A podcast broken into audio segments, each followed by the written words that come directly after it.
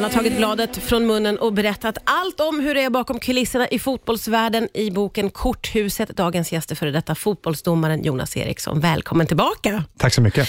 Du, eh, jag fick den fina förmånen att gå på releaseminglet för den här boken och då tror jag att det var fler än jag som höjde på ögonbrynen över att före detta statsministern Ingvar Carlsson satt där. Hur kom det sig att han var på ditt mingel? Ja, det var ju en udda fågel bland Ja, alla andra personligheter. Dels i form av hans bakgrund som politiker, för detta statsminister och sen också åldern såklart. Ja. Ingvar var väl 85-86. Historien är att eh, jag funderade länge på att skriva en bok. Satt på en middag på ett Sverige United heter som jobbar med att integrera eh, nyanlända svenskar med fotbollen och hitta goda exempel och förebilder. Och vi satt vid middagen, eh, ett runt bord, åtta personer. Ingvar med myndig spände blicken i mig och sa, Jonas, har ingen skrivit en bok om en domare någonsin? Jag tycker att det behövs någon som berättar om domarens värld och vad som händer, spelet bakom kulisserna. Det skulle öka förståelsen och respekten och kanske kunna rekrytera fler domare och göra domarrollen enklare. Och Då visste jag att jag var på väg att skriva en bok. Jag hade en tanke om det, men när han sa det kände jag att men det, om han tycker det, då, då finns det någonting i det. här. Då sa jag till honom att Ingvar, när jag skriver en bok så kommer du att få det första exemplaret personligt dedikerat till dig och jag lovar dig att jag ska bjuda dig på releasefesten. Ja. Sen kom det en pandemi, sen kom det månader och en process att skriva boken. Men jag var så otroligt glad att, att Ingvar dök upp där med, med sin bakgrund. Han är ju en fotbollsfantast, håller på Elfsborg, står för mycket klokhet och är en fantastisk ledare. Och eh, Det var en ära och en glädje att få ge boken till honom. Ja, väldigt, väldigt, väldigt häftigt att se honom där. Ja, boken heter ju Korthuset. Hur skulle du beskriva det där korthuset? Ett korthus vet ju alla om som har försökt att bygga ett korthus att det är nästan omöjligt. Det tar tid, det kräver tålamod, man gör små misslyckanden på vägen, men till slut så lyckas man bygga det där. Och sen rasar det helt plötsligt, utan att man är förberedd på det, utan att man vet om vad som händer för någonting. Man vet om att det kommer att rasa. Och så var det med min domarkarriär. Från att ha varit på toppen och trott att jag skulle döma VM, så var jag helt plötsligt borta. Allt raserades. Jag föll högt, hårt, det gjorde ont, jag var ledsen, jag var krossad. Eh, knöt näven i fickan ett tag innan jag bestämde mig för att sluta. Plus att Korthuset, som den heter, anspelar också på den fantastiska tv-serien House of Cards. Ja, där just folk det. är egoistiska, cyniska, går sin egen väg, struntar i andra, där svågerpolitik och vänskapskorruption är vanligt. Och Så är det också inom fotbollsdomarvärlden. Eh, vill, eh, det, man förstår ju att eh, det är väldigt mycket om den här vägen till domartoppen som vi andra inte visste om. Eh, och Det finns väldigt mycket som man reagerar på när man eh, läser den här boken. Eh, du blev tillsagd av domarbasen Bosse Karlsson att gå ner i vikt vid ett tillfälle. Eh, vad tänkte du om det då? Ja, det, han sa ju det med all välmening. Han hade rätt dessutom. Jag var tung, jag såg framförallt tung ut. Och En domare ska ju både vara vältränad och se lätt ut. Bosse sa det på ett snällt och ärligt sätt att han ville göra mig en tjänst. Eh, Det fanns andra människor internationellt som istället för att säga det snällt och pedagogiskt och uppmuntrande hånade, eh, skällde, skakade på huvudet och, och förnedrade folk som kanske inte ens behövde gå ner i vikt. Du själv reagerade starkt på en situation som uppstod i samband med en kurs med Uefa. Du och andra domare klev in i ett konferensrum. Och Vad var det som hände där? Ja, vi visste att vi skulle, det skulle vara någon slags fysisk mätning och vi fick klä av oss när vi kom in en och en i kalsonger och så kallades vi fram Ericsson Sweden. Och så gick man fram, ställde sig på en våg och man berättade vilken vikt man hade högt. Vi blev okulärt besiktade av den högste chef som stod och tittade på oss upp och ner. Och Sen kom man fram och med fem punkter på kroppen mätte vår fettprocent. Eh, jag på den tiden hade ett mindre bra värde.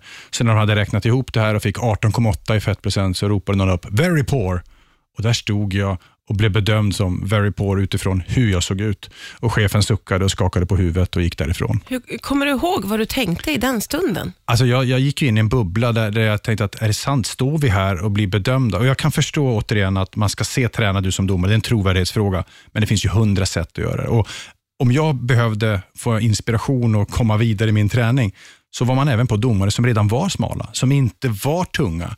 Där det fanns. Jag hade en domarkollega som kom dit och jag såg i hans ansikte, han mår inte bra. Ja. Den här killen, han, han måste vara sjuk, det är något. Och han fick beröm för han hade gått ner tre kilo och tappat fettprocent och det var tummen upp och bra. Sen frågade han, hur mår du? Ah, jag mår ingen bra, jag har salmonella.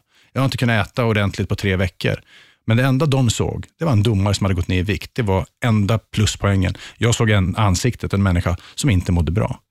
Du eh, berättade ju det här för din fru lite i förbifarten Mm. vad jag förstår. Hon reagerade på ett helt annat sätt än vad du själv hade gjort. Ja, men jag satt ju där och tänkte att jaha, det är väl så här det går till. Och när jag, så, kan inte stämma. Fick ni gå fram en och en? Ja, jo, vi fick gå fram. Och när jag då så sa, men du, du måste ta en bild på den nästa gång. Det är helt galet. Jag tror det inte förrän jag får se det. Ja, ja, absolut.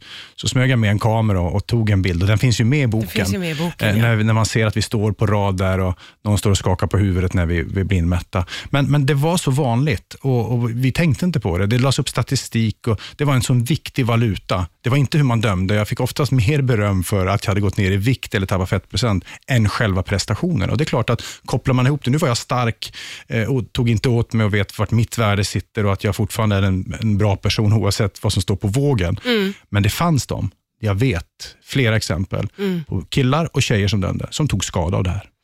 Ja, det, det låter ju helt oerhört faktiskt. Eh, eh, vad hade hänt om du hade sagt ifrån eller sagt någonting i den situationen? Ja, men det är väl klart att jag egentligen borde ha gjort det. Jag vet ju vad som är rätt eller fel. Jag vet ju vad som är okej och hur man behandlar och hur man tilltalar andra människor. Men när någon skäller ut en person och det inte är min sak, för jag blir inte utskälld och den personen som skäller ut är den högste chefen som har allt ansvar, så var jag feg, som många människor är. Jag tittade bort och sa ingenting. Jag visste vad jag tyckte, jag hade full koll på vad som var rätt eller fel och jag skäms i efterhand att jag inte gjorde det. Men jag hade en dröm, att döma de största, bästa matcherna och viktigaste turneringarna. Och sättet att komma dit, det var att jag i så fall skulle vara tyst och gå i takt och inte nämna. För det fanns en kultur där folk inte pratade om det som hände. Mm, spela enligt spelets regler. Spela enligt spelets regler för att nå det mål man hade. Ja, ja. Pågår det här fortfarande på samma sätt? Det pågår, men inte alls lika utstuderat och tydligt. Det, det var betydligt tuffare till en början, men man gör det med regelbundenhet och jag vet att det finns domare som sista dygnen före man ska vägas in inte äter någonting alls, knappt dricker någonting för att nå de där värdena. Och det här gäller både män och kvinnor på den absolut högsta nivån. Eh, Det handlar ju också om på högsta nivå, oavsett om det är om du spelar eller domare, att må bra, för att kunna prestera. Eh, Då är inte vikten och fettprocenten det absolut viktigaste. Det handlar om mycket, mycket annat. Även om det är en trovärdighetsfråga som jag återigen sympatiserar med. Jag får säga att du verkligen eh, vågar ta bladet från mun Jonas. Och vi pratade lite under låten här. Jag förstår ju att du har fått leva din dröm, för du har ju brunnit för det här jobbet och fått vara med också om otroliga händelser, träffat magiska personer. Eh, men samtidigt så är du ju väldigt öppen med då att det har funnits stora problem med ledarskap och chefer.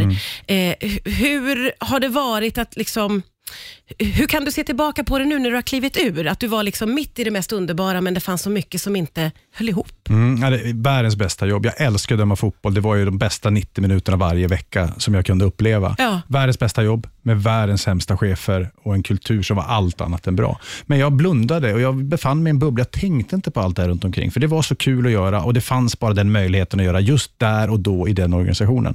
Så jag blundade, slog dövörat till till allt det negativa, jobbiga som jag inte trivdes med.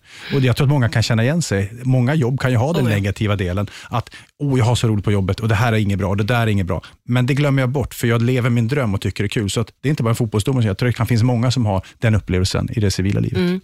Och Vi ska inte bara fokusera på det negativa. Du har ju varit med, som jag sa, om så otroligt många häftiga händelser. Jag förstår att det är svårt att pinpointa någon, men några av dina finaste minnen då, om du kan plocka ut några guldkorn? Ja, men det är klart, första gången jag dömde David Beckham. David Beckham är ju en sån otrolig superstjärna med allt vad det innebär. Fotbollsspelare på högsta nivå, gift med en av Spice, Spice Girls-tjejerna. Eh, inte bara fotboll, utan mode och stil, allting. Jag träffade honom första gången 2009 i februari, en match i, i Milano. Han är otroligt trevlig och lugn, på, vi pratade före matchen.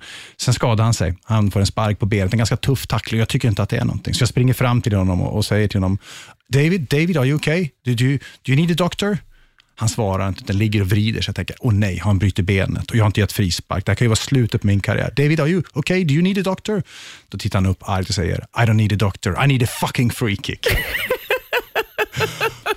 och jag är lite lätt att säga, ja, well this time I could only give you a throw-in, alltså ett inkast, but we have another 80 minutes to play. Han ligger där och muttrar, men sen kommer han i pausen fram och, och faktiskt ber om ursäkt över sitt agerande, att han skrek. Otroligt trevlig kille, eh, med den pressen och stressen och den positionen han hade. Men jag löpte honom tre, fyra tillfällen, alltid fram och hälsa, good to see you ref, tog i hand efteråt, nästan aldrig något gnäll, förutom här när han hade ont. Och Ja, Han, ja. kan- han kanske förtjänar den där frisparken som han inte fick.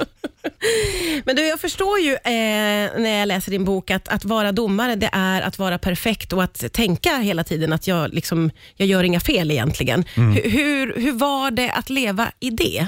Ja, det var att gå in i en bubbla före matchen och framförallt när man går ut och tänka att idag gör jag inget fel. Att vara så koncentrerad och tro på sig själv att de här 300 besluten som en domare tar under 90 minuter, de kommer att vara helt rätt. Det finns ingenting jag kommer att göra fel. Och när man går in i en sån bubbla av koncentration, då blir man aldrig trött. Man är aldrig rädd för att det ska kastas in föremål på mig. Eh, jag har stått i Sankt Petersburg i minus 16 grader i kortärmat och jag har inte frusit. För jag är så koncentrerad på att göra just rätt saker där och då. Och Den känslan den är fantastiskt häftig. När man befinner sig i den där bubblan utan mobiltelefoner, utan tankar på eh, barnens skolgång eller renovering av sommarstugor eller trafikköer, utan bara ta rätt beslut. Den ja. är så häftig och det undrar jag verkligen alla att prova på när de någon gång provar att döma fotboll. Har du med dig det i resten av livet? Kan du gå in i den där bubblan i andra situationer? Ja, jag försöker göra det ibland, framförallt när jag jobbat som expert i, i tv-sändningar, när man inte har mobiltelefonen med, utan bara vara koncentrerad på att leverera bra, korrekta analyser, vara kortfattad, stringent, eh, allt det här. Då kan jag göra det. Men så fort den där mobiltelefonen finns i närheten, vi vet ju om att då försvinner koncentrationsspannet ganska snart. Och, och när man tänker på, ja, man sitter och diskuterar någonting, nu med dig är jag fullt koncentrerad på dig, bara på dig. Men hade vi suttit här ute och tagit en kaffe eller liknande, ja. då hade det kanske dykt upp, ja, men, oj, vad händer nu och köerna, hur ska jag hinna hem i trafiken och vad ska jag göra imorgon? Och jag har en tvättmaskin. Alltså, vet, då försvinner det iväg. Då blir du en vanlig person. Då blir jag en vanlig person. Men jag har haft den egenskapen att gå in i bubblan och den är otroligt häftig. Det finns så mycket att prata om i denna boken, men jag får helt enkelt göra så att eh, man får läsa boken själv om man är nyfiken mm. på den här otroligt spännande världen. Korthuset heter den. Tack snälla Jonas Eriksson för att du kom hit idag. Tack för att jag fick komma.